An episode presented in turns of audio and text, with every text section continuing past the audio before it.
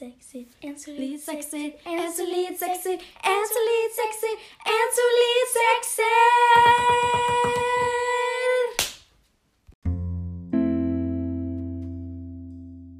Hei, og velkommen til podkasten En solid sekser. Hvor dere, lyttere, sender inn spørsmål, og vi gir dere en besvarelse som garantert leverer til en solid sekser. En solid sekser! Med meg i studio har jeg den fantastiske, Ja. trofaste Og strålende, sjarmerende programleder Judith Eiksen-Sætre.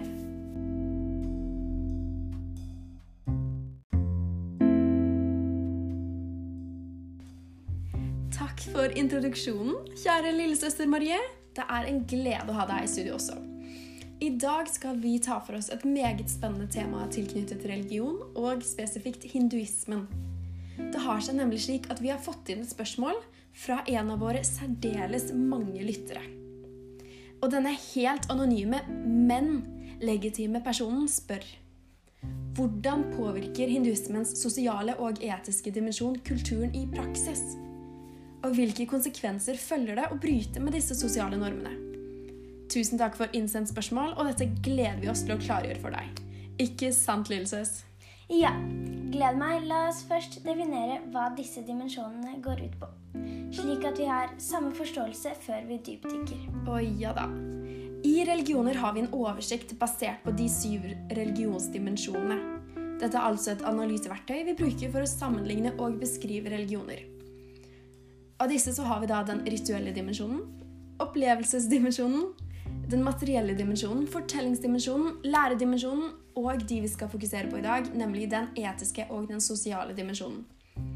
Ifølge skoleboka Tro og tanke står det at den etiske dimensjonen innen hinduismen fremhever en felles etikk for alle, med vekt på familie og godhet. En klasse slash kastespesifikk etikk for hver gruppe. Her var det jo litt mange ukjente begreper. Hva betyr egentlig det? Bra du spør av eget initiativ, Marie. Her kommer det muligens viktigste begrepet innenfor hinduistisk etikk, nemlig karma. Ordet karma betyr opprinnelig handling. Marie, kan du lese denne teksten fra Upanishadene, som da er noen gammelindiske teologiske filosofiske skrifter, for å understreke karmaens viktige betydning?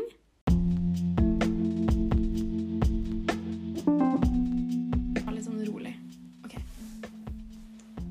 Slik en mann handler, slik han oppfører seg, slik blir han. Den som gjør godt, blir god. Den som gjør ondt, blir ond. De handlingene han gjør på jorda, høster han fruktene av. Fra den andre verden kommer han tilbake hit, til handlingens og arbeidets verden.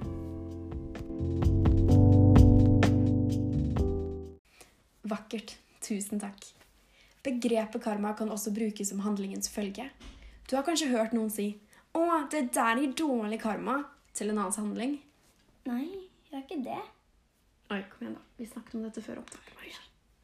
Ja, det er at dette de sikter til. Handlingene man utfører, kan ha gode eller dårlige følger, som kan utspille seg kort eller lang tid etter handlingens utførelse. Eksempel, hvis jeg rent teoretisk hadde kastet deg ut av vinduet nå, slik at du ble en fin pannekake, vil den handlingen sannsynligvis få dårlige følger for meg. Kanskje en fugl bæsjer på hodet mitt i morgen, eller neste uke. Og det er da denne karmaen en har når en dør, som avgjør hva slags gjenfødsel en får. Om det blir opprykk til presteklassen eller et liv som en tissemaur. Og her kommer vi inn på et annet super-megarelevant begrep, nemlig kastesystemet.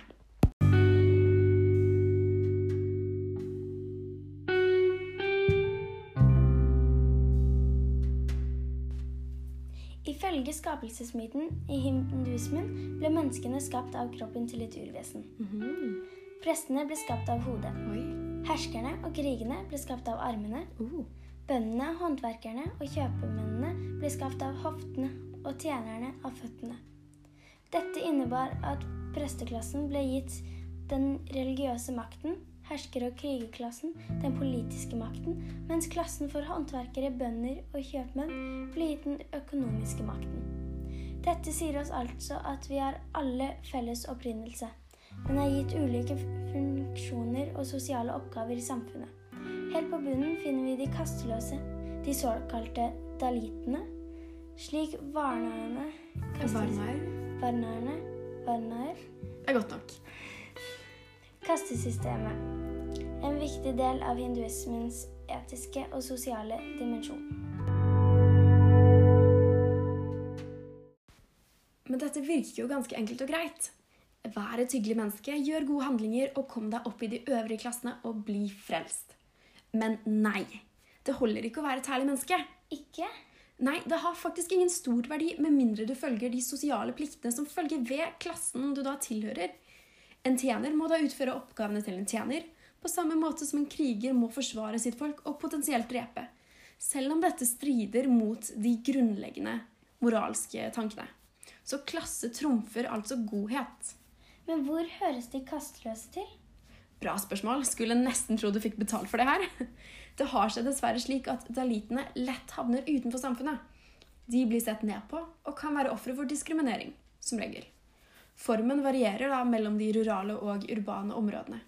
Ifølge FNs høykommissær for menneskerettighetene, Navi Pillai, har det seg slik at dalitene på landsbygda kan risikere å få hendene kappet av for å drikke av feil brønn, mens dalitene i byen, selv de velutdannede, kan bli avvist overalt på leiemarkedet. Nå kort kunstpause for å takke ukens sponsor som gjorde denne episoden mulig. Bokstavelig talt. Takk til pappa. Pappa betaler. Gjør som pappa. La oss ta det et hakk videre og knytte det til religionens sosiale dimensjon. Ifølge tro og tanke innebærer dimensjonen et fellesskap og ekteskap innen egen klasse og kaste. Fellesskap i forbindelse med høytidene, og kvinner er mer urene enn menn. Oi, så spennende. Takk for innlevelsen, Marie. La meg forklare. Vi starter med mennene. For hinduistiske menn som tilhører de tre øvrige klassene, deles liv inn i fire stadier. De ulike stadiene bringer med seg ulike oppgaver og plikter. I første stadie skal de lære, og får da tildelt en lærer, også kalt en guru. Tradisjonelt sett er en guru en religiøs lærer i indiske religioner som har nådd en høy åndelig innsikt og anses derfor som egnet til å lede andre som ikke har nådd like langt ennå. Så denne guruen fungerer som en åndelig veileder for sine disipler eller som en tradisjonell lærer. Og dens elever kalles da sishya. I neste stadie innledes bryllup, og fokuset er på å leve et familieliv. Mannen er da opplært til å være far, ektemann og forsørger. I 50-årsalderen kommer det tredje stadiet, hvor mannen skal trekke seg tilbake og overlate hovedansvaret i familien til sønnene sine. Han opptrer nå mer som en rådgiver og til slutt kommer det fjerde stadiet, hvor mannen er forventet å søke frelse. Han skal bryte kontakt med familien og vandre fra sted til sted. En slik person kalles en sanayasi, og lever av det andre gir ham, mens han bruker sin tid på å søke frelse. I nyere tid er det blitt tillatt for kvinner å også gå inn i denne rollen. Men det er først i nyere tid. For det er nemlig ikke slik at kvinner og menn har de samme rollene i samfunnet tilknyttet tro. Kvinner får ikke gjennomgå disse fire livsstadiene. De skal heller læres opp til å bli gode koner og deretter enker når mannen deres forlater dem.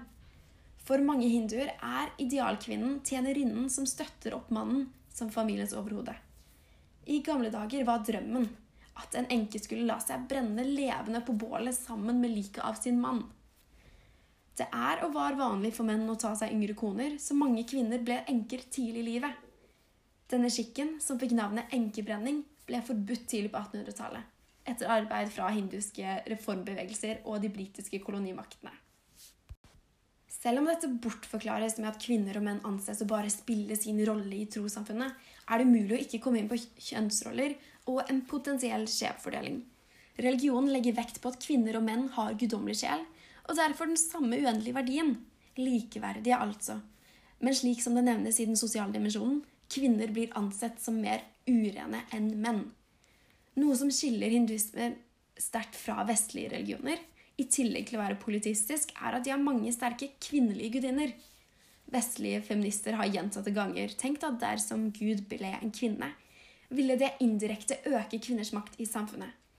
Men gudinnedyrkingen i India får ikke nødvendigvis disse konsekvensene, selv om muligheten ligger der. Det er fordi visse gudinner, slik som Kali, blir altfor mektige alene og derfor farlige. Og dette vil jo ikke samfunnet, mennene, ha noe av. Men det er langt ifra lett for kvinnene å komme seg ut av disse, sett fra et vestlig perspektiv, undertrykkende tendensene i samfunnet.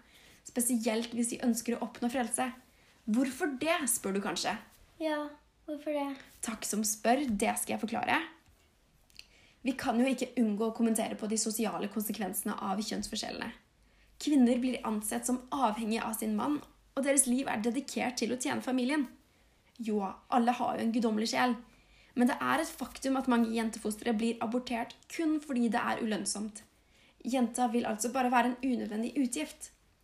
For sosialøkonomiske forhold er en av årsakene til at jentebarn velges bort. Det er vanlig å betale medgift når en datter gifter seg, eller giftes bort. Og kan ikke familien råde dette, kan det få store konsekvenser for jenta. Medgiften er en formue som skal balansere den mannlige arveretten slik at en hushold skal få økonomisk hjelp fra både mannens og hustruens familie. Kravet gjør at mange familier er gjeldsslaver resten av livet, og fører til at jenta er mindre ønsket. Så selv om myndighetene har gitt forbud om medgift for over 50 år siden, har problemet med medgift heller økt enn avtatt. Hinduistiske gravskikker spiller også en rolle i hvorfor gutter er mer attraktive enn jenter. Hinduer tror at når man dør, vandrer sjelen inn i nye vesener som fødes som f.eks. til smør. Denne sirkelen av gjenfødelser kalles sara og har ingen slutt eller begynnelse.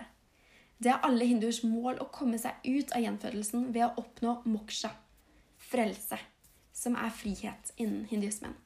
Det er en tro at en far ikke kan oppnå moksha dersom ikke en sønn tenner gravbålet.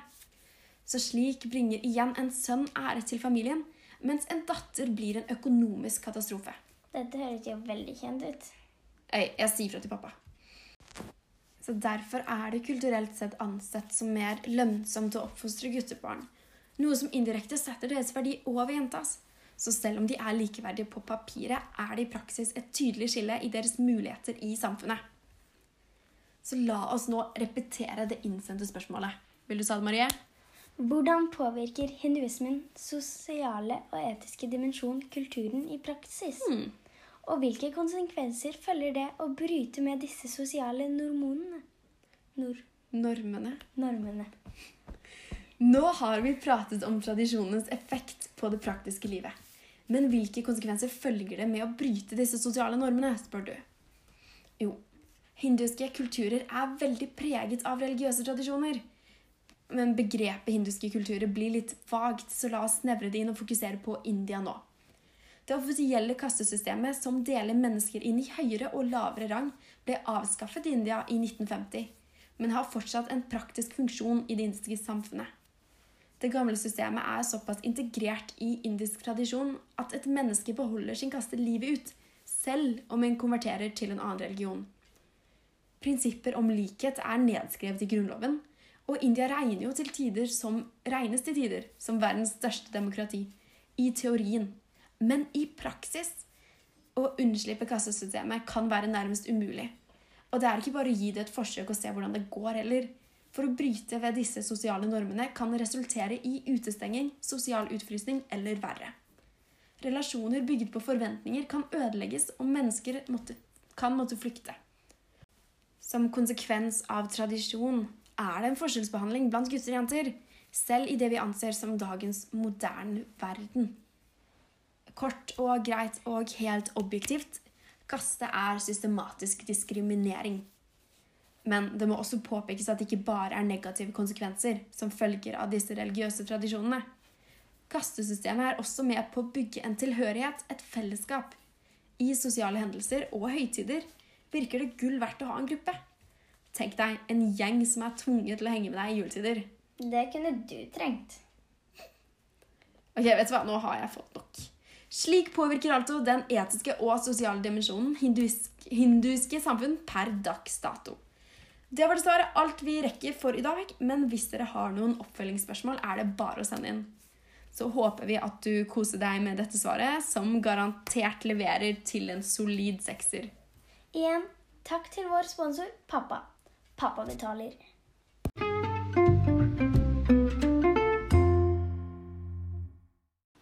Hei, hei, Vegard. Nå er podkasten ferdig. Gratulerer. Vel overstått. Eh, Det har seg slik at jeg og min søster prøvde oss på å rappe den første gammelindiske teksten. Men appen fungerer slik at rytmer og beats må legges på i ettertid, og de kan ikke redigeres i forhold til hverandre. Så det ble for mislykka og nådde ikke kvalitetskravet til å komme i podkasten. For jeg har kanskje lave standarder, men de er standarder. Men derfor, hvis du ønsker deg litt bedre selvfølelse, så er det bare å lytte videre og kose deg med historiens mest mislykka rapp.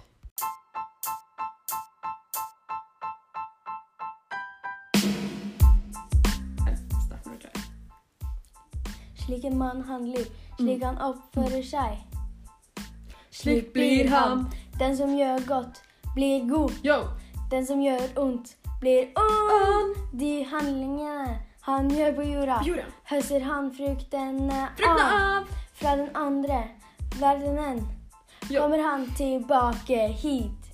Jo. Til handlingens og arbeidets verden!